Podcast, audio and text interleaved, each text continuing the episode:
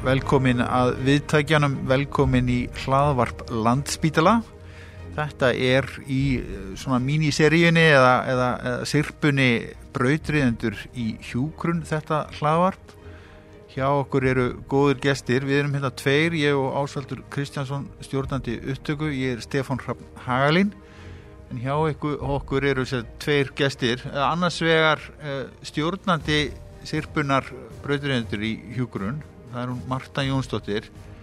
Marta, uh, segið okkur aðeins frá sjálfriðir og, og, og síðan hérna hvernig þú hefur fengið til, til viðtals hérna í dag? Já, herri já, ég heiti Marta og ég er hjúkrunarsæðingur uh, Núna er ég að vinna á hjartagáttunni að hitta sjúklingar sem hafa fengið kransaðstíflu og svo er ég líka núna svona nýbyrjuð í starfsmannahilsuvend og er þar að hjúkra starfsfólki eða svona veita ráðgjöf og ráðleggingar og við erum náttúrulega búin að vera rosa mikið í alls konar COVID-tengdu málum núnendaferð. Annars er, já. Þú hefur náttúrulega verið á spítalunum áratugum saman eins og, eins og, eins og margir. Ég er svona ekki alveg nú gömul til að vera áratugum saman. Nei. En ég er búin að vera, það er tíu ár sen útskrifaðist, það sé þá ekki 14 ár sen ég byrjaði á sem spítala. Almennilegt. Og bara, ég verð nú bara að segja, ég, mér er bara mjög gaman að vinna á landspítala. Já. Og já, já. Og hvaða viðmælanda höfum við hérna í dag? Herði, hingaðan og kofinan áskervalur, ég, hérna, já, sem verður mikill snillingur, já, ég seti hérna á hrósunum og hann verður skrítin á söfinn, en áskervalur er sérfræðingur í hjúgrun og er, starfar, er svæðinga hjúgrunfræðingur og ég held að það sé svona kannski hægt að segja að það sé toppurinn á ísækanum og það er svona litla sem ég get sagt um áskerval. Þú ert að vinna í fósvöginum og bráðaskólanum og í kennslu og kennir öllu helbriðstarfsfólki allstaðar á Íslandi nú rosa mikið. Ég veit þú hefur áhuga á flugi. Ah, en hérna, vilt þú kannski segja okkur aðeins hver þú ert? Já, hver er ég? Já, ég heiti Áskis Norrason og já, ég er jú eldri en eldstu menn muna og uh, ég kláraði hjúgrunn 88 og fór þá að vinna á gjörgjastlunni í Fossvogi. Fór svo hljóðlega að læra svæfingahjúgrunn uh, fór eftir það á Landakott sem var alveg frábær vinnustadur og frábær staður að vera á. Svo fór ég framhald að því á Akureyri og var þar í eitt ár. Fór þaðan með viksil í vasanum á því að ég borguði síla þrjóðarnir þar og þarna ákvaða að fara á borgarspítalan út af því að það giftu sér allir í fjölskyldunni þetta sumar þegar vorum á Akureyri og maður var alltaf fyrir sunnan og það var alltaf ljós í glugganum á skurstofunni, ég held að vera rosa yfit í þar. Þeir slöktu aldrei á kvöldin. En þarna, þannig að það var ljós allar nætur og ég held að vera verið að vinna á Burns of Money, en það var nú ekki. En hins vegar ég er búin að vera á svæfingunni síðan þá og síðan hef ég uh, innvinglast í kennslu, talsvert uh, fyrst og síðast á svæfingar hjókunar nefnum og svo ákvæði að fara í mastersnám. Fyrst ákvæði að, að sækja um til þess að missa ekki af umsóknartíma og svo náttúrulega uh, ákvæði að byrja og þá gæti maður ekki enda þannig endaði með master árið 2002 um það leiti fór svæfingarnámið það fór í gegnum svona endurskipulagningu og ég var svolítið í því máli. Og síðan hef ég verið innvinglaður í svæfingarnámið svo innvinglaðist í endurlíkunarkenslu og það gerðist nú eiginlega bara svona eiginlega fyrir tilviljun og, og þarna og hef verið að kenna svona sérhæfða endurlífgun. Í tengslu við það fekk maður þá flugja hausin að Herminam var í skemmtileg hugmynd og það var náingi sem heitir Gert sem var frá Danmörku, eiginlega þjóðvergi sem að álpaðist til Íslands af því hann var ástfóngin og, þarna, og, fór, og þannig kynntist maður honum þarna í gegnum endurlífgunarmálinn og uh, hann rettaði okkur plási í, í, Seifer, nei, í, í Dims í Danmörku.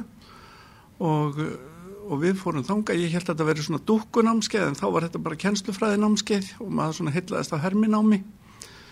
Og nú síðan var maður að kenna endurlífgun en hafði mikið náttúrulega herminámi og það var ekkert að gerast í sambandi við herminámi hér. Þannig að við stopnaðum svæfing bráðaskólan nokkur til þess að koma á koppin herminámi og þá þarna í kjálfarið náttúrulega fer að blómstra herminám hér og maður svona hefur aðeins innvinklast í það en samt svona kannski minn en maður hefði viljað því að maður er ju fyrst og síðast klíniker sko. Já, það er svona eiginlega mitt lífslaup. Getur við spóla aðeins af- aftar, hva, hva, hvaðan ertu og Já, uh, ég er fættur í Reykjavík uh, 1961 uh, þegar ég var fjögra eða fimm ára þá fluttum við í Kópavóg ólst þar upp og þarna já, ólst bara upp í Kópavógi og fór í mentaskólan í Reykjavík og, og fór að vinna svolítið á Kópavógsæli og, og fór lærið hjúgrunn og já, það er nú eiginlega lífslaupið þannig af hverju valduru hjúgrung?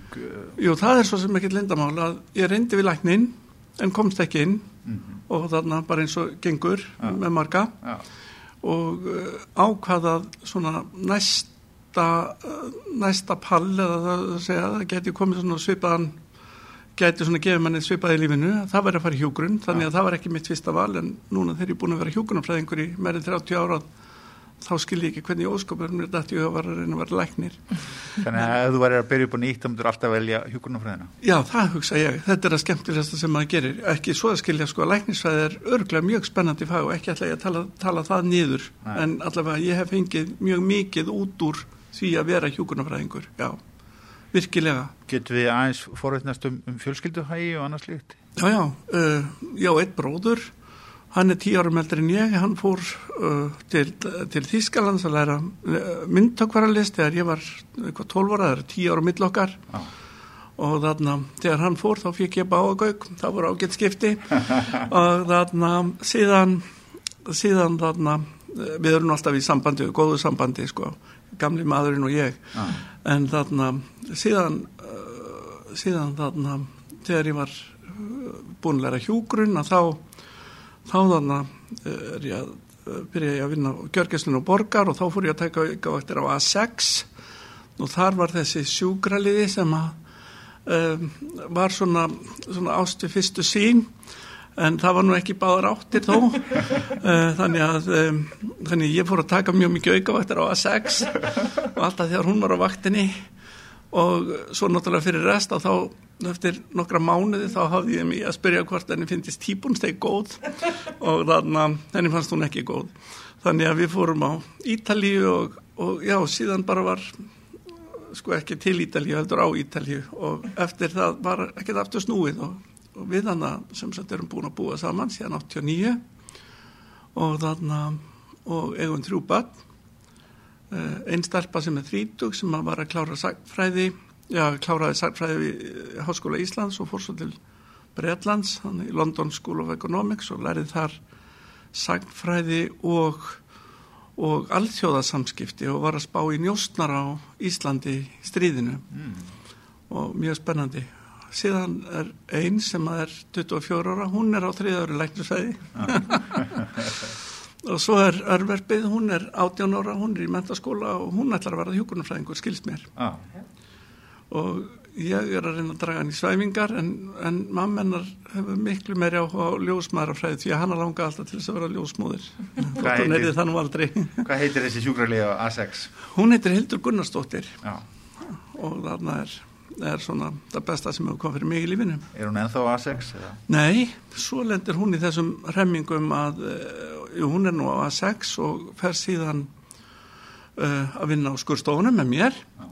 og þarna sem að uh, gekk bara mjög vel og síðan fær hún beinþýningu eftir þriðabarnið okkar og fær samföll á hrygg. Það var svo merkilegt hvað hún minkaði að það er að segja hvað við heldum að miðjubarnið hefði stækkað mikið en þannig að það var hún sem var að minka og var þá komin bara niður öll í beinþérni Já. þannig að hún röklaðist í raun úr vinnu en hefur unnið á barnalækna þjónustunni síðan eða eftir nokkru ára hlýjarendar og vinnur það sem útökurítari, það reynir minn á bæki Já. En klíningin er, er allt um kring hjá ykkur? Já, já, já, nema hjá þessari elstu? Já, já, hún er, hún hefur sloppið? Já, en hún er samt ekki lausið spítalan Nei, því að hún er öryggisvörður, það er nú ekkert byðröð eftir því að ráða fólk sem eru sérfræðingar í njóstum í stríðinu. Þannig að þegar hún kom heim, hún var að hugsa um að innviklast í að vera í Breitlandi en þá var Brexit og enga vinn að fá. Þannig að hún kom heim og ætlaði að finna sér vinnu. Þá kom COVID. Já, þannig að þarna, hún komst í gamlu hóluna sína sem öryggisvörður á borgarspítalinu og, þannig, og er þar. Já, eina stelpan í þessum frábæra kalla hópi já, já. Þetta er, þetta er örgistilfinning. Ég ætlaði nú ekki að trubla því, Marta minn, ég, Þetta var frábært, við fengið góðan bakgrunn á, á, á skil. algjörlega. Uh, vilt þú ekki bara hlaupa áfram með næstu spurningar? Já, hérna, ég, mér fannst þetta svo, þetta var svo, hérna, þú, þú sagði svo mikið á svona stuttum tíma, ég veit ekki hver ég á að byrja. En hvað, það sem að mér hefur svona fundist vera það sem að ég hef séð þið mest gera, hefur verið herminámið og endurlíkunarkjenslan og svona í hjúgrunn. Já, Hérna, hvað finnst þér gaman við það? sko, mér finnst, ég er í raun að fóra að kenna endurljúkun til þess að geta gert það sjálfur. Ferlandi voru flóknar í gamla daga, þannig að svona tveim mánuðum eftir að ég var búin að læra þetta, þá er ég búin að gleyma því. Þannig að mesta örgistilfinningi því að, að, að svona, það er ákveðin trygging fyrir að maður viti hvað maður á að gera, það er að kenna það. En þannig að þetta var nú svolítið þannig að Jón, bráðalæknir á Slísó, hann kom árið 1993 upp á skurstofu og segir við ætlum að halda svona námskeið, endurlíkuna námskeið og uh, svona sérhæft endurlíkuna námskeið ACLS eins og það er kent í Ameríku. Og þetta var stólið skellt og skurmskellt þetta var bara stólið námskeið og allt í góð með það. Og það hafði engin áhuga á þessu nema ég, ég hafði mikinn áhuga á þessu og ég fór á þetta námskeið sem var annarkvort fyrst eða annað svona sérhæfða endurlíkuna námskeiðið. Á þessum tíma var mórallin þannig að maður ætti að lesa um hlutina og þá kynni maður hann. Og mórallin var líka þannig að ef að maður var sérfræðingur í, í svæfingahjókurinn að þá þyrti maður ekkert að læra endurlíkun frekar en það sem að maður hefði þegar lesið um. Og þetta var svolítið mórallin á þessum tíma að það þótti ekkert sko ástæð að vera að þjálfa eða gera svoleiðis. Í raun og voru voru kannski skátandi sem gengur á undan með þjálfun. Þetta var ekki helbriðiskerfinu, ekki á þessum tíma. Hvað sé, 93? já, Já. Og- það er bara endurmentun og símentun lítið komin í gang. Já, mjög lítið og maður taldist útlærður í einhverju þegar maður var búin að, að, að koma sér út úr prófunu Já, og þetta var svolítið svona skrítin mórall sko einhvern veginn þannig. Það var verið að kenna nýja, að kynna nýja endurlífkuna ferla sem gerðist nú alltaf einstaka sinnum og þá bara svona föstudagsfundur og farið í gegnum það sem var nýtt sko. Og svo voru menn svolítið á móti þessari sérhæfðu endurlífkun sko að vera með svona fasta ferla því að menn kunnu sko sína aðferð við þetta. Og þannig og eitt sagði það er best að byrja á að tryggja loftveginn og fara svo að spá í að, að endurlífka oft í endurlíkunum verður líka svona langar pásur þar sem var svona diskussjón yfir, yfir líkinu hvað þetta að gera næst. Og á meðan var náttúrulega ekkert blóðflæði upp í heilan. Ó. og þarna og það hefur breyst rosalega mikið sko móralst og, og bara svona sko kulturlega séð. Og það hefur orðið alveg rosalega breyting bara á viðhorfum.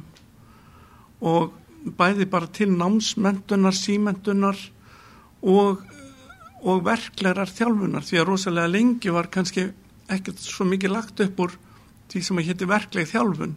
Fólk lærði það bara á deildunum sem var náttúrulega gott og blessað nema það að það voru náttúrulega einhver fórnalum sem að lendi í manni. Ha.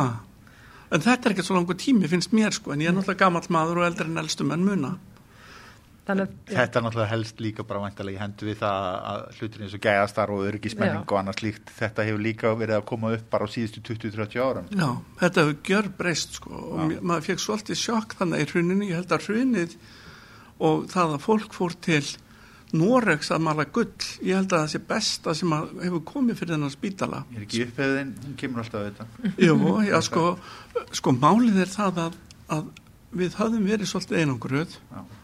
Að öðru leitin því að fólk var náttúrulega að koma úr sérnámi frá hinum og þessum stöðum.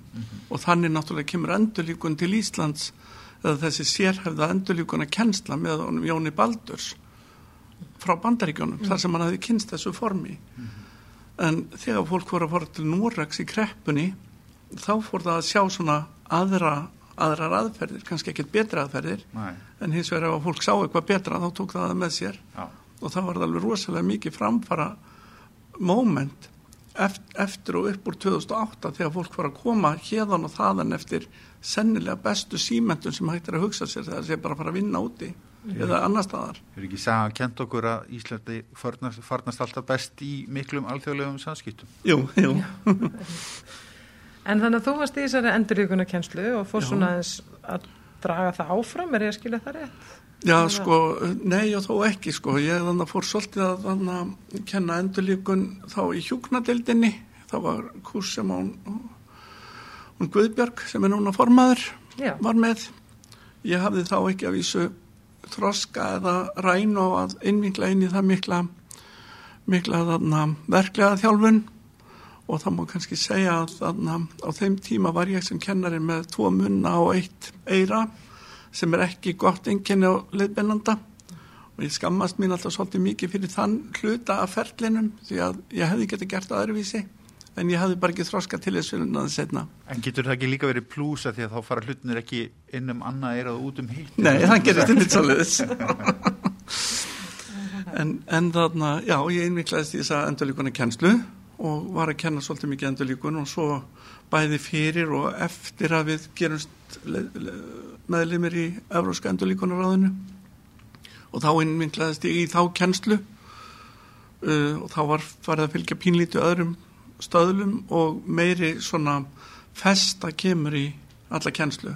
Það verður miklu meiri festa í öllu saman með þeim afleðingum að, að maður uh, kennslan er meira standardiseruð sem er að flestu leiti gott en að sumu leiti þá tekur að pínlíti ánægin úr að geta ekki farið hamförum bara á eigin forsendum en þú fannst nú einhverja leið til þess að fara hamfrum á einn fórsendum. já, já, Já. síðan gerist það að, að, að já sko máli var það að, að við erum aftur komin að, að, að hermináminu og við þannig förum þannig að ég og Gert til til Danmörkur í þannig að Dims sem það heitir núna. En þetta er í Herlef mjög flott hermisettur sem er þar á 19. hæð og útsinni yfir alla Danmörku. Og ég held að ég væri að fara bara á eitthvað dúkunámskeið eins og ég sagði á þann en þetta námskeið það alveg opnaði augum mín sko. Og uh, þetta var the fourth European Simulation uh, Instructor Course þetta var sem sagt í fjórða skipti sem var haldinn svona alþjóðlega námskeið fyrir herminámsleiðbennendur og það voru þrjú hermisettur sem stóðu á þessu. Og þarna eitt í Þískalandi, eitt í Bretlandi og svo þetta í Danmarku og þarna voru svona leiðbendur frá öllum þessum löndum og það voru líka nefnendur frá öllum, öllum svona Evrópulöndum. Og, og þetta var rosalega skemmtilegt og í raun og veru kynntist maður þá hermin á mig og þá að verið að fara í þessa hluti sem er verið að halda mjög mikið á lofti núna í sambandi við teimisvinnu og þarna og það hvernig maður leiðir hermin ám og maður kom svona alveg fullur og veldmóði tilbaka og maður fór að reagera, ö, maður fór að svona að, að, að, að reyna að breyða út bóðskapin en fólk vissi ekkert hvað maður var að tala um.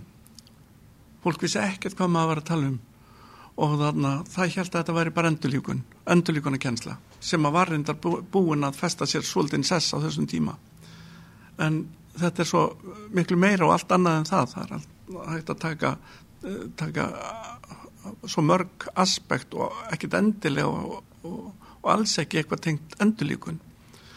Eða endurlíkun eða þjálfun, kennslu teimisvinnu, konsept og þess áttar uh, með þeim afleðingum að ég var með nokkra fyrirlestur og ráðstöfnum að reyna að kynna þetta og, uh, og það verður einn enginn sem skildi þetta konsept svona sem maður var að tala um. Og vísar ég aðeins að ljúga sko því að áður en þetta gerist á hafði Felix Valsson og fleiri flutt inn á svæfingadeildinnar og uh, uh, leiðbennendur frá Herlef og það var sett upp herminám en ég var ekki þar því að ég var þannig fjárstatur og þannig að bara aðri sem fór í það. Og það var sett upp sko þannig skurstofunum og gekk vist mjög vel.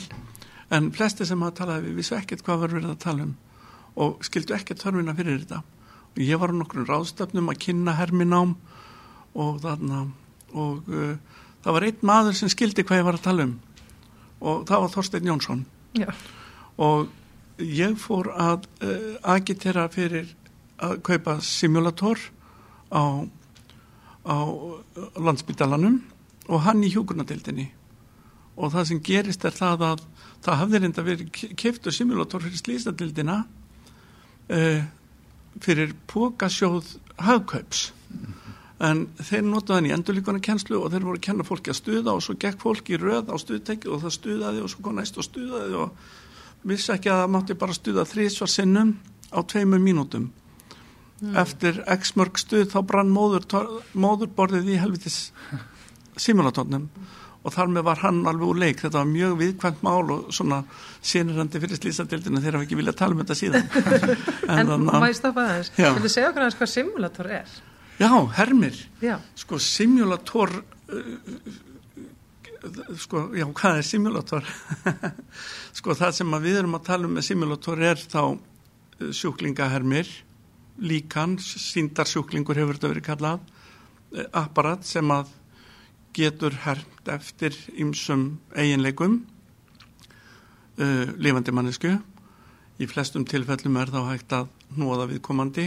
Það er nú bara eins og gamla Anna sem að þannig Lerdal kom með á 1968 uh, síðan, minni mig síðan, síðan er nú yfirleitt hægt að stuða þetta þannig að það er þá einhverjar arritmíu funksjónir sumir hermar eru þeirra náttúr að það sé hægt að setja niður magasondu. Uh, flesta, flestir hermar geta sínt hjartalínuritt sumir geta andað þannig að maður sér öndunar reyfingar eða allavega heyrir öndunar hljóð og getur metið öndunar hljóð þannig að þessir hermar að þeir eru svona mis fullkomnir þeir fullkomnistu blána og, og svitna eins og þriðja kynsluðin af, af þannig Simman frá Lerdal en í raun og veru er tæknin kannski ekki aðalmálið heldur í raun heimsbyggin í kringum og aðferðafræðin í kringum það hvernig maður leiðir svo viðtalið á eftir. Mm. og í vennjulegri hermun uh, sko í raun veru finnst mér reyna best að nota bara leikara. Því að hann gefur allt öðruvísi ansvar heldur en dúkan en það er náttúrulega erfitt að drepa leikaran þannig að ef að það á að ganga svo langt í leiknum að þá, þá er best að, að kannski nota dúku en hins vegar að, að já, þessi sjúklingahermar eru mjög fullkomnir og gefa alveg ótrúlega möguleika. En það er ekki tæknin sem að tryggir góða, góða hermisasjón mm. það er eiginlega leiðbennandin og þáttagendunni sem að búa til. Og það sem maður er að gera, maður er að búa til í raun og veru leikurinn þetta korter sem að, að tilfelli tekur. Það er í raun bara tæki til þess að búa til námstæki færi til þess að ræða í e, umræðinu þar á eftir. Þannig að í herminámi þá er það, það skiptist í þrjá hluta. Það er verið að kynna um hverfið og út á hvað leikurinn gengur. Þá er eins gott að muna, muna eftir öllu síðan er kert leikritið og þarna og leikritið það tekur kannski tímyndu korter og maður vonar að fólk gerir svona sinn svona einhver mistök eða gerir eitthvað vitlaust eða eitthvað sem er hægt að ræða um því að þá er allavega umræðu grundvöldur um það hvernig hefði verið hægt að gera hlutin á öðruvísi.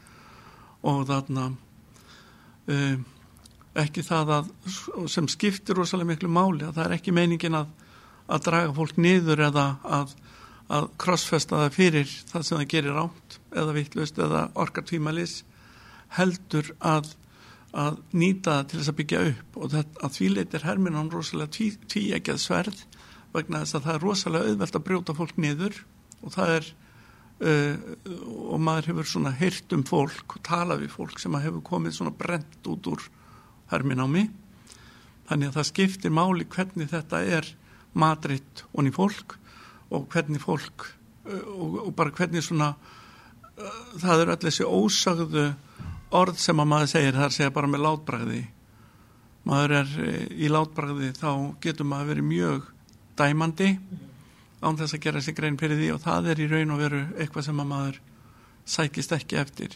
Vegna þess að í raun erum ekki að hanga fólk. Við erum að búa til uh, umhverfi þar sem fólk getur lært af, af því sem upp á kemur læra mistökum sínum og annara það er eins og Steppi Alfredsvinnum minn saði hverju þurfa vini sem eiga svo, hverju þurfa óvinni sem eiga svo leiðisvinni að hann saði maður á, maður á að læra mistökum annara þess vegna er svo gott að vinna með áskeri frjóðurinn sá. Þannig að þú þriðji hlutin af herminóinu það er þessi umræða sem að reyndar aftur skiptist í þrjá hluta, það er þegar verið er að fjalla um tilfellið og þarna fyrst er fengið sameiginlega sín, því að fólk getur komið inn í tilfelli á mismundi tímum. Fólk getur uh, séð hluti með öðrum augum eða ólíkum augum. Þannig að það þarf að fá sameiginlega tólkun á því sem gerðist. Og síðan að þá þarna þarf að, að rýna í það sem gerðist. Hvað hefði mátt kannski gera betur hvers vegna fólk gerði þetta því að oft er fólk að gera hluti af einhverja ástæðu sem er kannski ekki uh, ekki rökrétt þegar er farið að skoða það betur mm. maður kannski gerir hluti og bregst við út af því að einhver gerði það sem að maður ber mikla virðingu fyrir en hann bara óvart var að vinna eftir endur líkvonu ferlum frá 1970 Já. og þarna þá kannski geta komið upp nögrar sem að eða ekki nögrar, það er líka jákvæði hluti sem geta komið upp sem að virkilega sko, skipti máli að, að fara betur í og, og þess og þar maður er all, það er alltaf verið að tala um þess að gaggreindu þekkingu en minnst af því sem maður gerir er gaggreind þekking. Maður vinnur svona svolítið mikið á mænunni í bráðatilfellum og þá er alltaf verið rétt að mænan gangi á réttum forsendum. Og það sem maður sér í þessari verklegu þjálfun það er svo ótrúlega mikill munur á því að lesa sér til um endurlíkun og, og aktjóðalí framkvæma endurlíkun og maður er bara á allt öðrum brautum. Og þegar maður er í akut situasjón þá er maður ekki akkurat að spá í það sem að maður las einhver, einhver tíma náður heldur þannig að maður, maður kemst ekkert svo langt í, í aðstæðanum þannig að, þannig að maður verður að vera búin að æfa sig þannig að maður eiginlega sko viti, ma ma maður viti hvað maður gerir við þessar aðstæður. Það er alltaf kannski brú, meira brútal í klínik heldur en svona kannski í mínu fæi sem er sannskildadeildin og allt í kringu það. En ég hef stundu veltið fyrir mér að, að maður myndi nú hérna, búa til fyrirlesturinn tíu bestu mistöki mín. Mm. eða bókina hundra bestu mistökin. Þetta er, maður lærir meira af því og umræðum og vongaveltum í kringum hvað ég að segja, rasanir mm -hmm heldur en, heldur en af, af að bók já, mm -hmm. já. En, einmitt. en það hefur líka svo margt breyst finnst mér allavega, nú er nú ég er nú ekki búin að vera eins og lengi á elstu menn munna vona ég. Þú ert kornungstúlka Kornungstúlka með menn sem eru eldri en elstu menn munna. Akkurat. En það hefur svona Hvað eru mörg ára á millíkar? Eru fimm ára eða ára? Tíu ár. Tíu ár? Það er gott betur. Stefán er að stríða mig Já, já. Hérna, En hérna Ásker hefur tíu ára á mig sko. Já. Hérna, Þú er náttúrulega kornungstúlka Kornungstúlka hvað ætla hann að njóta þess hér en hérna þú komst hann heim frá Herlef og það var bara eins og þú sagðir, það var einhvern veginn lítið fólk vissi ekkert um hvað það tala nema mögulega Þorstein og svo erum við núna hér þá hvað hva er 15 ár? Já, það er eitthvað svolítið, sko, þetta var 2008 Já, og núna er hermikjænsla bara mjög stór partur af allri kennslu myndi ég segja hjá helbriðstarfólki, er það ekki? Það voru alveg útrúlega breyting mm -hmm. sem betur fer mm -hmm. og þetta sem að maður að sjá núna gerast er það sem að svona viltustu draumar sögðu manni í gamla daga þetta er að komast í þá mynd sem að maður var að vonast til þess að er því Já. sko Þorsteini tókst að manipúlera með hjúkunadeildina með því viðskiptamótili að kaupa simulator og leia síðan læknadeildin eðgang og þannig að það og, og spítalanum og, já, spítalanum. Já, og það klikkaði aldilis en 2008-2009 þá var svæfingarnam í gangi og ég hafði skrifað inn í uh, námskrána 100 tímar í hermi. Ah. ég hafði engan hermi. En þannig en hins vegar að Þorstættir rettaði herminum og hann var þarna og hjálpaði okkur og var með okkur, við vorum saman þarna ég, Gert og, og Þorstætt og við settum upp ermi tilfelli ég vissi ekki finnum lungu setna hann var kau, kauplös við þetta. Já, já, já. en það sýnir svona hans hans nálgun sko, hann er svona eldtíi og þarna og sem sagt, og hann var þarna bara kauplös að setja upp simulatorinn að koma upp þessar aðstöðu og þarna og þarna í þessu litla herbergi sem hafi verið var svona lægst skrifaða herbergið í allri hjókunadöldinni klósettin voru minni en hins vegar að þau þóttu, þau nutu meiri virðingar. Herbyggi, þetta var mjög lítið herbyggi. Þetta var algjör kompa og svona svitakompa. Já. en þarna var sem sagt simulerað og gert alveg rosalega gott starf og, og, og sem sagt og það er svolítið gaman að svæfingahjókurinn sem ég hef uh, stoltar af mínu fægi sko sem að enginn veit um eiginlega.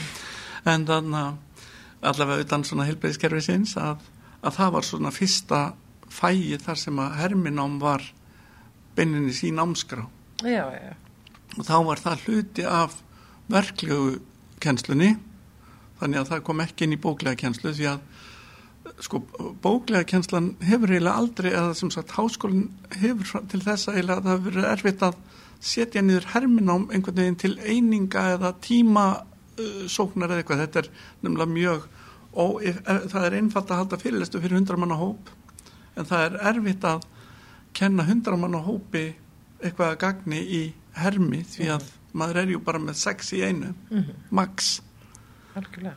sem þýðir það að, að, að, að ökonomísk afköst verða bábúrin en faglegur ávinningur þeim mun meiri að mínu viti Mhm. og þannig, þannig að þannig ég verð að segja það að, að það sem hefur gerst í herminámi frá 2008 það er hreint grettist tak sko, hreint grettist tak. En okkur fann samt þetta ganga allt of andskoti hægt. Það var bara talað og talað um að kaupa hermi og það var aldrei peningur til að kaupa hermi. Svo að við stofnum þannig í krísunni, bráðaskólan vorum að satsa á vorum að satsa á skyndihjálp, svona pínlítið svona kreppunni aðeins svona auka pening. En alltaf bak við uh, eirað að, að hugsanlega kemja maður einhvern tíma höndum yfir hermi. Og Cecilia Haugdal, hún stopnaði þetta með mér og svona teimur öðrum sem dróðu sér fljótlega út. Það var Steppi Alfreds og Jón Garðar vinnu minn, eða vinnu mínir. Og þarna en Cecilia var áfram og ég. Og, uh, og hún einhvern veginn náði höndum í pening hún Cessa og henni tókst að, að ná sér í pening fyrir svona megakott kellidúku sem hún kom með inn í skólan og þannig að svona dúka kostaði 800.000 á sínum tíma þannig að árið 2008 þannig að þetta eru sennilega svolítið mikið meira núna. En hún neytti þannig peningunum sínum í hermi og þá gáttum við að fara að simulera.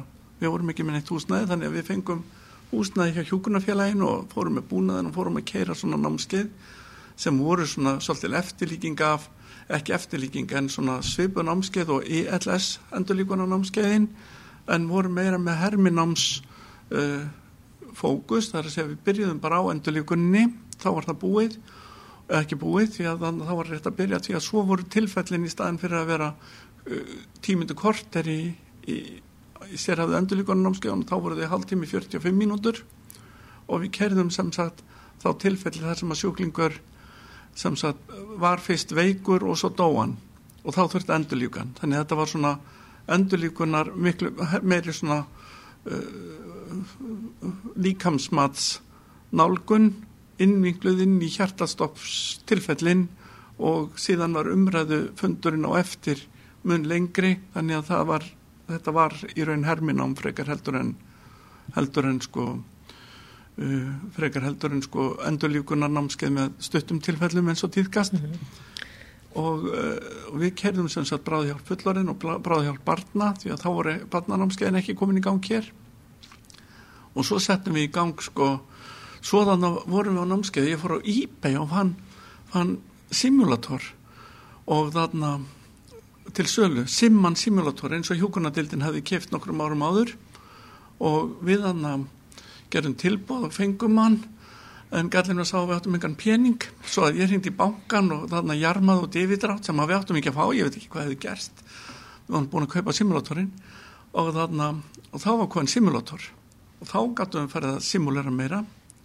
Og svo þannig fórum við að keira svona önnur námskeið eins og heil og tauga námskeið samstarfi við okkar bestu sérfræðinga eins og Yngvar Ólafs heilaskurlækni og Hauk Hjaldason uh, nevrológ Ólaf Tórarensen barnanefrológ og, og, og, og síðan einar Örn svæfingalækni að við kerðum námskeið sem heitir bráðahjálp í heila áföllum. Og það var sem sagt svona námskeið sem fjallaði um höfuð og heila áverka og Lofísa, nei, Lofísa kom inn í brunanámskeið en sem sagt svo var fullt af hjúkunarfræðingur sem voru að hjálpa okkur við herminámstilfellin í þessum námskeiðum.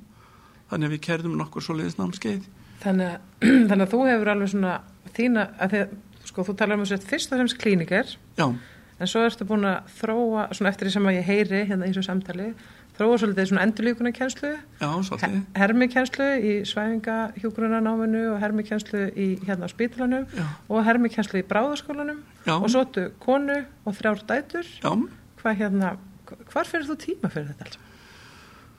já, umbröðlinda konu fyrst og fremst en hins vegar að þarna aftur er, er, er sambandi við bráðaskólan og svo var svo gaman að við sem sagt fluttum inn uh, við fluttum inn sko leiðbennendur frá Seifer við sessa fórum sem sagt í Seifer sentri og tókum aftur svona uh, TTT námskeið Hvað er það? það er í, í, það er í Stavanger það er hermisettur sem er rekið og, og sem sagt sett upp í tengslum við Lerdal sem framleiðir allar þessar dúkur Já. Eða þessa herma, það er ekki kalla þetta dúkur og þarna og við komum sem sagt heim, við fjármögnuðum okkur bara með því að taka vinna þannig halvan mánuð á spítalanum. Og þannig borgaðum við námskeiðið. Og þarna og við komum heim. Og þarna og þá þarna var svo mikið í okkur að það er þarna kona sem heitir Sigrun Kvindensland sem að er, er þarna íslensk, hálfu íslensk og vann með mér á hjartadildin í gamla daga aukavöktum, eða ég var aukavöktum hún var þar, nema í stuttumáli að hún uh, að sem sagt, þetta var nú allt meir og minna í gegnum hana. Og, og við fluttum inn sko bráðaskólinn fyrsta þetta simulationsinstruktor námskeið sem Sem að ég á þetta. TTT, þú komst á það námskeið þú varst nefnilega eina af þeim sem var svona forsjál og fyrirhíkin og sást ljósið. Ég sá ljósið. þótt að það væri bara rétt, að, rétt svona kerti sko við enda gangana að þá þarna að, að, að þá sástu einmitt ljósið. Og þetta treyna treyna námskeið sem var flutt inn frá Stavanger að, að það var haldið við allum okkar hugmyndafræði var svo að búa til 50 manna hóp sem er á sama stað mentalt af því að það er einfalt að panta dúkkur en það er flókið að búa til mannauð og við vildum búa til mannauð herminámsleiðbennanda sem væru allir með sömu uh, heimsbyggin á bakinu, sömu sín, sömu framtíðarsín og þannig kemur svona þristingur og svona breyðfylking. Það nú illa að selja á þetta námskeið, við ætlum að selja 50 plás, við seldum 25 og kerðum eitt námskeið, þannig að við sluppum akkurat á skrensun að fara ekki á hausin á þessu, en þannig að því að það er gallin við svona enga fyrirtæki, það þarf alltaf að svona, allavega að vera á nullinu og þarna og engin sko stöðningur þannig frá spítalunum og þarna í raun og veru svona frekar fann upplýðum að mótstöðu og ég veit ekki enn þann dag í dag hvers vegna sko. Því að það sem að við höfum verið að gera hefur verið fyrst og fremst sko fyrir fæið af því að maður hefur aldrei greitt fimmeringa á þessum skóla. En það er hann að sagja Já, það er alveg. Ótrúlega saga. Ég, hérna, sko, það er kannski, hérna, vitið til þess að, að, að aðrir geirar séu að keira svona herminám eins og við erum til dæmis farin að gera í dag. Svo sannlega, Já. í fluginu er það Já. og mér fannst svo fáránlegt og ég var með á, á þingi, held ég, ég man ekki það var á spítalunum hérna, þetta var á hóteloftleðum sem heitir Natura núna og þarna og ég setti upp, sko, ég hafði fundið einhverja rannsónagrein sem síndi það að á Íslandi verða sennilega jafnmargir deyja jafnmargir vegna óvæntra atburða í helbriðskerfinu og myndu fylla eitt fokker. Þá var fokker í innanlandsfluginu. Já. og þetta eru 50 og eitthvað manns. Þetta er byggt á bara útlendum rannsóknum þetta eru svolítið flóknar rannsóknir og náttúrulega mikil, mikil óvissa til þess að útfæra hva, hversu margir. En ég hugsaði ef að eitt fokker færi niður á ári á Íslandi að þá væri kannski meira lagt upp úr kennslu og þjálfun heldur en sá stuðningur sem hefur verið í gegnum tíðina. Og málið er það að sko flugmenn þeir fara hverju ári í hermi. Já. og það er keftur hermir fyrir þrjá, mi- þrjá miljardar fyrir flugleiðir eða sem sagt flugleiðir hefur kaupað það sjálfur það er keftur, keftur hermir fyrir 200 miljónir fyrir keili. Og þarna fyrir þess að til þess að gera fáu sem fara þar í gegn. Já. Á sama tíma þykir ekkert sjálfsagt eða þótti ekkert sjálfsagt því að þetta er að breytast Já, maður á kannski að tala í tátíð núna hvena fluttur hún að fyrirlestur? ég man það ekki, ég hugsa að það hafi verið 2012 Einmitt. 2012-13 Það er einmitt á þessum áratug síðan Já. sem að, sem að stóru stökkin hafa verið tekin eða ekki? Já, En það já. er samt líka alveg áhugavert að hermisetrið á spítalanum var náttúrulega stopnað að það kom gjafa fjö Já, til þess að starta því einmitt. og svo núna vondi heldur áfram að Kultúrin er að styrkjast já, og... það, það þurfti til að koma þessu einhvern veginn, það þurfti svona hugsunum fólk eins og þig. Og, Ég og held að bráðaskólinn hafi svolítið stungið stóra björnin í nefið ykkur að segja. En þarna, þannig að ég held að við höfum vakið svolítið sko, þú veist, fólk vaknaði svolítið við vondan draum. Mhm. að þeir voru svolítið með allt á hælunum. Já, og þarna og, eh, en sko, er þetta ekki saga allrar framþróunar? Jú, jú, Hún tekur tíma og, það það. og hún er kostnað sem bæði í peningum mannuði.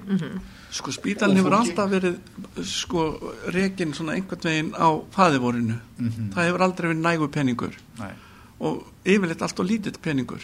Og þá er þetta oftast það fyrsta sem að lendir undir, uh, undir öksenni og það er svo sem það sem að maður er svo sem um hverjum degi að upplifa að uh, að sko ef að ef að það er eh, verið að kera námskeið segjum og síðan veru veikeindi eða eitthvað að þá er mjög stutt í það að fólk komist ekki á námskeið út af því að það sé krísa á gólfinu. Já, já, að það sé krísa og, og, og sko og, og, og deildir, allar deildir eru bara alltaf svona korter frá krísu Er þetta ekki samt saga allra stóðþjónustu í öllum atvinnugreinum? Hún er svona bara, þú veist, markasmál, samskipti, þjálfun, mentun og svo framvegið, sko. Þú veist, það sem er ekki alveg í kjarnastar sem við, viðkomandi vinnustæðar, hún einhvern veginn lendir mjög hratt undir nýpnum þegar kreppir að. ég hugsa það sko Já, já. En segðu okkur aðeins meira frá fluginu og þessari tengingu inn í fluginu. Já, sko, máli var það að mér langaði alltaf til þess að læra að fljúa Já. og þarna, og þegar ég var í mentaskóla að þá þarna, að þá einhvern veginn tókst mér að auðra eitt sumari svolítið, ég er náttúrulega sennilega að lifa algjörlega á foreldrum mínum með veturinn en ég sem sagt í stöttumáli eitt heilu sumarlunum í að taka sólóið Já. og tók sólóið eh, ég var nú reyndar alltaf búin að vera með flugvéladellu frá því að ég egnaði svona flugvélabók fjölva ári þegar ég var 11 ára Já. Og með mikla dellu fyrir sko stríðinu og herflugvélum og svona. Svo þannig að fór ég á námske nefnir fór ég á fyrirlestur hjá Gríarsson, því miður kunni ég enga ennsku þannig ég skildi ekkert hvað maður var að segja. En Gríarsson var sá fyrsti sem að fór sko hínaleiðina yfir Allandshaf Já. einn. Og uh, og hann var með fyrirlestur svo, og þetta var svona undirbúningsfyrirlestur fyrir fyrirlestur sem hann ætlaði svo að halda í bandaríkjónum en hann dó á þeim fyrirlestri þannig ég var svona, var ég á hans síðasta fyrirlestri sem hann held án þess að sko stoppa eða sem sagt, hann stoppaði náttúrulega í miðum klíðum af því hann dó. Nei, og þarna hann dó í hann dó þegar hann var að halda fyrirlesturinn og kláraði hann ekki. Hvað fórstu á hana fyrirlistur? Þetta var á hótel loftleðum og síðan var ég svona stoppmeðlumur í Íslenska flugsögufélaginu sem að var sennilega besta félagi heimi. Já. og lendi þar í flaganemnd sem að þýtti það að maður lappaði þannig upp um fjöll og leitaði að flugvélaflugum ég er nú búin að gleyma því hver er, þau eru. Einhvers staðar á ég fundargerði frá þessum tíma, ég var rítar í flaganemnd þar Það sé. og og síðan tók ég sem sagt sól og ég tók bóklenga flugmannin og svo var ég orðin blankur og þarna svo ætlaði ég alltaf að læra eitthvað aftur. En svo kynntist ég þessari indislegu konu og hún hefur óbeitt á flugi. Hún heldur að allt sem fari upp það fari niður aftur Já. og sennilega á mjög svona uh, Dramatískan hátt. dramatískan hátt Sem Já. kallar á klínískar aðgerðir og... Já, já, þannig að þarna, ég hugsaði með mér, hún sagði, ég bara hefði ekki taugar í það ef að þú verður eitthvað í einhverju engaflugi. Já. Svo ég sló það bara út á borðinu Já. og sé ekkert eftir því. Nei, nei. Þú veist, ég fekk miklu meira Það og þarf að betra gott þykir. Já, já, já, og ég hefði sko, sem hjókunarfræðingur hefði ég aldrei haft efna á að standa í svona flugi, sko. Nei. Að reynda Benni vinnu minn, hann flýgur alveg. Fyrir hann förum í fluginu, hann Bernard Svavart, Svavarsson á, á svæfingun á Ringbraut nema það að, að hann þarna að, að, en ég hef bara alltaf sko nú er ég farin að lesa svona uh, svona bókmyndur og horfa á YouTube myndbönd af svona strí, stríðsfuglum Já. og svona aðalkikki sem að ég fengi út úr sem sennilega verið að fara á, á flugsýningu úti, ég hef nú bara farið einu sinni en, en að, að, að, að sjá þessa vélar svona, maður hefur náttúrulega alltaf verið að fara út á völl þegar það hefur verið að lenda á Reykjavíkvöldi og burt sér frá uh, byggðathróun eða, eða að Reykjavíkur flugvöllur sko bara til þess að maður geti séð þessar gamlu vélar þegar það komið, þá, þá, þá bara þarf völlurinn að vera Já. ég er bara alferð á mótið hann fari þú ert ekki sinni maður bara út á því Já, það var svo Og-. Já, og þarna hefur maður út á flugvelli Katalínan sem kom fyrir tveimur árum Já. og þristarnir sem voru að fara uh, ég menna þetta var náttúrulega því lík veistla að sjá alla þessa þrista sko, sem- Ég vann upp á keflagur hlutull í nokkur ár Já, En þú nokkur komu. Já, En- og þú ert með flugdellu. Já, svona, svona, eh, já, svona, svona, í, í ekki, ég myndi ekki skilgreina sem flugdellu en ég hef mikið áhuga á þessu og, og, og þykir gaman að segðu mér aðeins hérna, þannig að það eru úrustu flugurleitnar sem að vekja mestan áhuga hjá þeir Já, og svona, sko, svona mannlega rakfara sögur, sko, ég alveg, sko, og, ég alveg, fæ alveg kikk út úr ég að lesa þessar sögur sem svo eftir hann Hafsteinanna í Dö- Dumsafið, að döiði í Dumsafið, það eru skipalestirnar, ég hef gaman að því líka og, og þannig og sögurnar hans, Raps Jökulssonar úr stríðinu já, og svona þú veist þessa, þessa þessar rakningasögur allar já, og sama þannig í stríðinu ég var nú að lesa eina frásögn af uh, mjög merk sem sagt, já ég hef gaman að lesa svona þessar, þessar svona æfisögur sko, þetta er eiginlega komið svolítið út í það sko. Svona mannlegir harmleikir sem teikjast stríðsátökum já, einmitt. Þetta er alveg þræl eðlilegt áhuga mál hjá hjúkurnafræðingi já, já, já. Já, einmitt sko. Og þannig að það sést svona bæði í akut situasjónum á spítalanum og það Já. sést líka í stríði úr hverju fólk er gert. En er ekki Flest- margt, margt af því já, margt af því sem tengist spítalanum og, og, og klínikinni náttúrulega kemur úr stríðsregstri eða tengist hernaðar umsöðum Espar Flóris Já. Nightingale í krímstríðinu og svo framvegið sko, það er svona mar, marga tengingar í kringum og svo fluginu, náttúrulega. já, já, Allt þetta og flýinu Samskiptin og eitthvað svona. En það er nú bara sögur að segja að alls konar tækni þróun, internetin og fleira sko, þetta verður til í kringum já, Það verður verður spennandi að sjá hvað kemur út úr COVID. Hvað verður til í kringum þessa kreppu. Sko það hefur náttúrulega verið rosalega mikið til nú þegar sko svona sambandi við verkla og svona held ég. Ég held það líka. og náttúrulega þjóðin er hann sérfræðingur í smitvörnum. Já. Og þarna margt gott getur komið út úr því. Ég held líka sko eh, þar, ég held að menn séu sammála um það að, að öflug öflugt mentastarf uh, þjálfun gæðastarf og fleira hjá okkur gerði spítalanum það kleift að koma sér í þann gýra svona breyta staðins úr flugmóðuskipi í spítbát allavega um, um stundasækir til að breyðast við setja upp göngudeildin og annað slikt sko. Já, sko það sem mann náttúrulega skipti líka ég var að vinna hann í COVID-19, ég fekk COVID sjálfur en svo þegar ég var á hann rest þá fór ég að vinna á gjörgæslunni. Og það sem var til svolítil skags þar var að þarna voru að koma hjúkunarfræðingar sem að höfðu niður á gjörgæslu og, og enginn hefði trúið að hefði verið framlínu starfsmenn ég kem þarna á sæfingunni og er, myndi aldrei titla mig sem einhvern svona gúru í gjörgæslu fræðum en þessi sjúklingar voru svo mikið með sömu vandamálin. Þetta hefði verið meira problem ef einn hefði verið með livrar áverka og annar hefði verið með, með lúgnabólgu og, þri, og þriðji með eitthvað allt annað. Þarna voru þeir með svona, svolítið sömu vandamálin sem týtti það að, að, að meðferðin var mörguleiti stöðluð. Já, þannig að þeir sem kunnu til verka þeir gátu virkilega dreigið vagnin það hjálpaði en þarna en e, þetta kerfið og spítalinn síndi svona mjög mikinn sveianleika já, og uh, ég efast um að svona sveianleiki hefði uh, sem sagt þessi sveianleiki hann hann er svolítið svona íslenskur. Já, og skipulags, sko við erum svolítið skipulagslöðs og, og sumir hafa sagt að við séum óöguð en hins vegar hef ég alveg séð það að þar sem að hlutinir eru ofskipulagðir að þar kemur svona ríkur mortis við óvæntar aðstæður. En, en, en fólk er vant að sko að hafa kannski lítið bakkopp og þurfa sína sveigjanleika í vinnunni. Það eru skorpu fólk og þegar ég var að vinna í Noregi þá lendi maður svona í akut situasjónum og þá sá maður svona hvað þeir voru sko ríkit og, og ekki til í að svona aðlagast Nei, Normun eru svo sannlega ekki mest flex þjóð í heimi. Nei, nei. Og, og, og, varðandi, varðandi gæðastaðla sem eru frábærir og, og í 99% sko koma þeirra gagni að þarna að maður má ekki vera þannig þræll þeirra að í akut situasjónu maður þurfi að fara í gegnum sko allt tjekkið á svæfingavílinni maður þarf stundum að, að aðeins að klippa hotnin en það er í raun stór hættulegt samt. En í akut situasjónum þá þarf maður að sína sveigjanleika. Já, og þá þarf sko skurðhjókunarfræðingurinn að, að hjálpa svæfingunni og svæfingin þarf að vera tilbúin til að hjálpa skurðhjókunarfræðingnum og svo fer maður upp á gjörgæslu og þá er eitthvað í skrúinu og þá hjálpa maður þar bætir sennalegu skák, þú kemur með talsvert á borðinu með þína þrjá fjóra ára tugi beltinu. Það er einhver smá veis reynsla þar.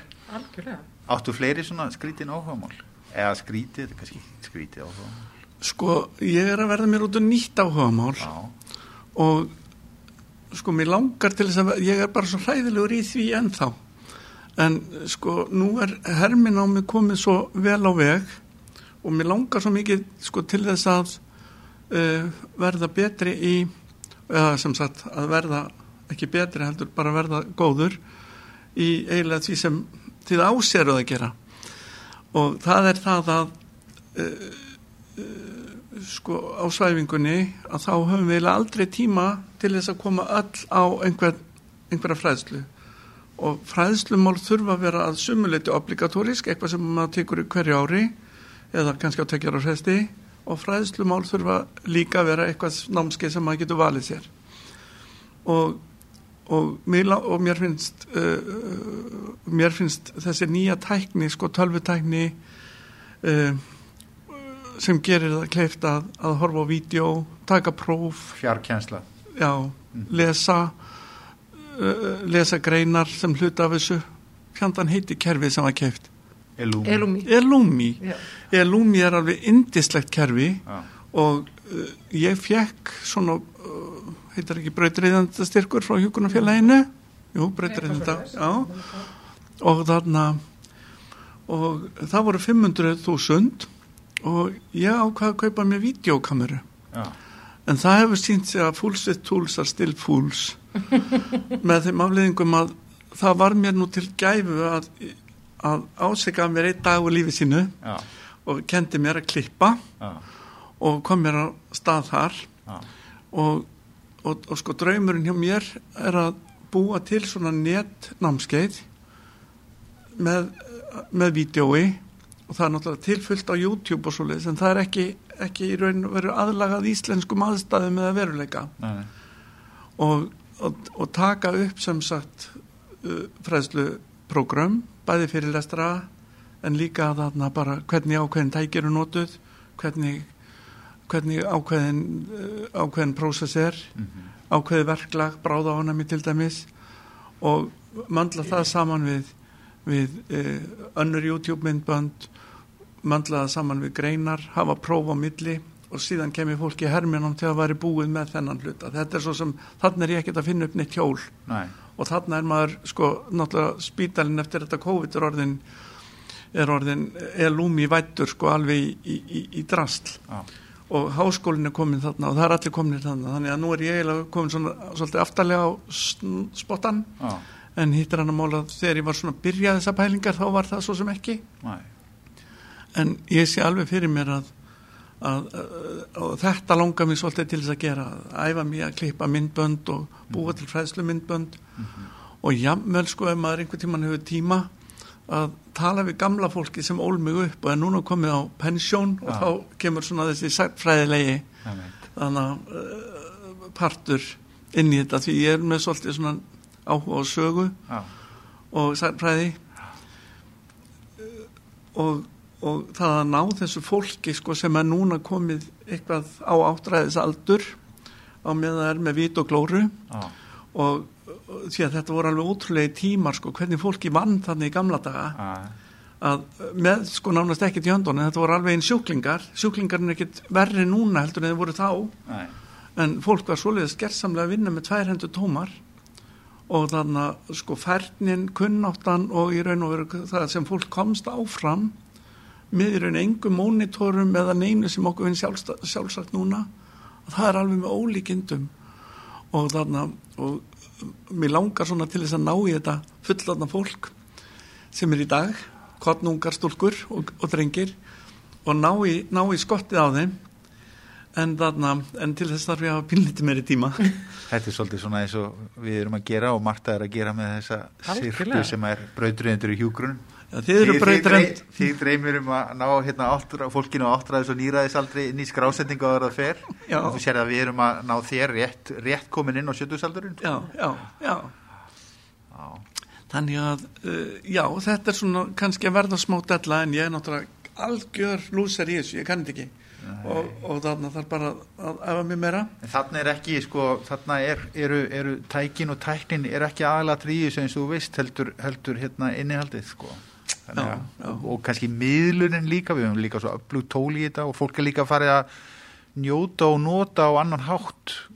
Í dag fer fólk hérna í sína hjólurreðar eða göngur eða hlaup og er með þennan fróðleg svona hlaðvörp í eirónum og annað slíkt, sko. Já, að og við svona maður aðeins heyrði af því í, í, í COVID eða að það gerðist í COVID að fólk fór heim og misti, sérstaklega ellendist náttúrulega, meira ellendist, misti gæða tíma með sjálfu sér í hálftíma, klukkutíma, jafnvel tvo tíma á leiðin til vinnu, til og frá vinnu á hverjum degi, sem það notaði annars í að hlusta á hljóðbækur fróðleik og annars líkt sko.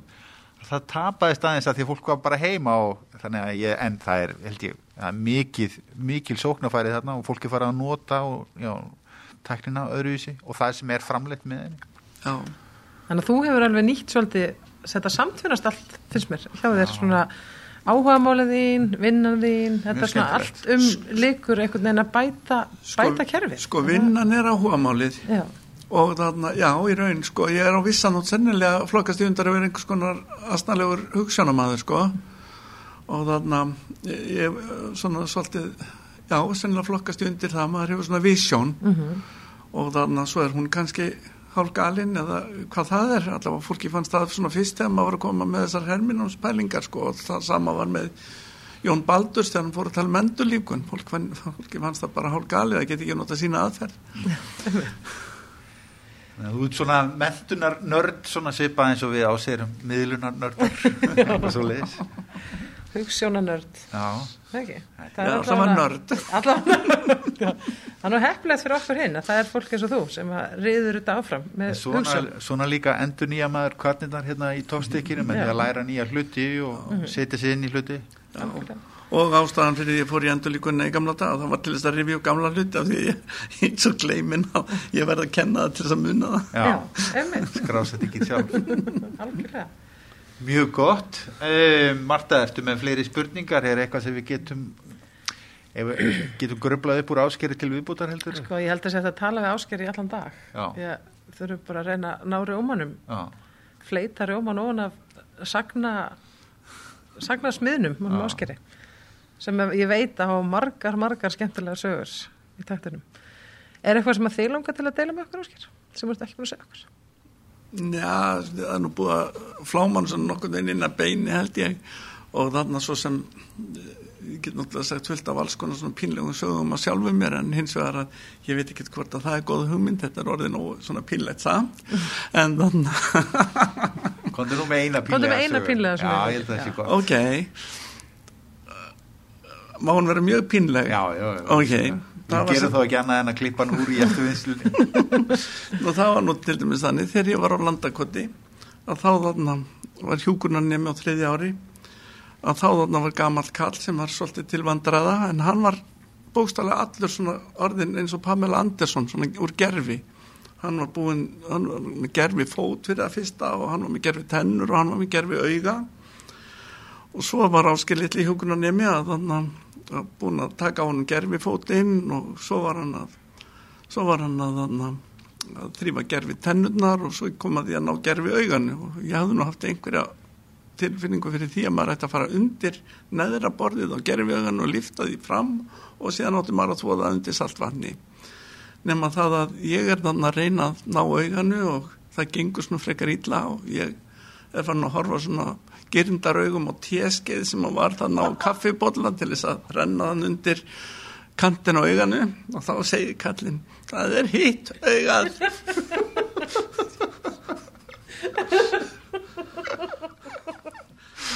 Þess að góður, þú hlýtur að lifa fleirum.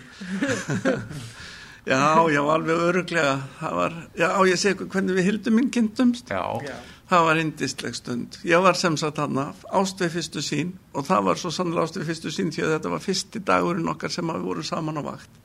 Og það nátt að setja upp blóð hjá gamalli konu.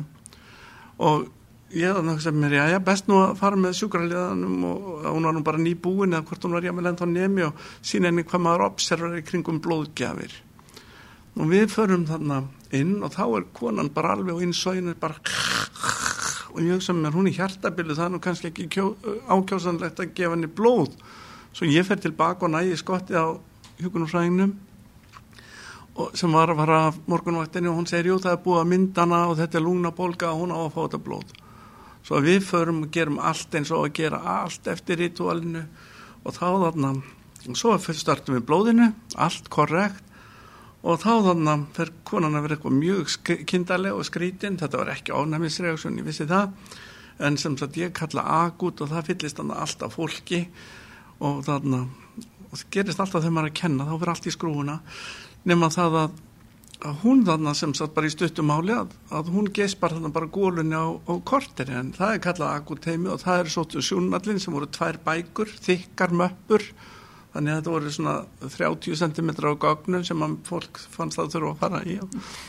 Og síðan þannig síðan þannig bara deyr konan og eftir það þá gengum við hildu mín frá líkinu og það var náttúrulega indisleg stund þannig ástuð fyrstu sín og þannig en þetta sýnir það að þegar maður er að kenna svona þá þannig fer ég vel allt í skrúfuna hjá manni. Maður, þegar maður er að sína hvernig á að gera hlutina.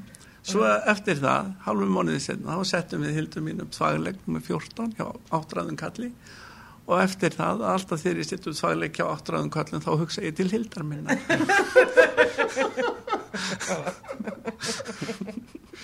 Ég held við sig, siglum á þessari óvegandi sögu.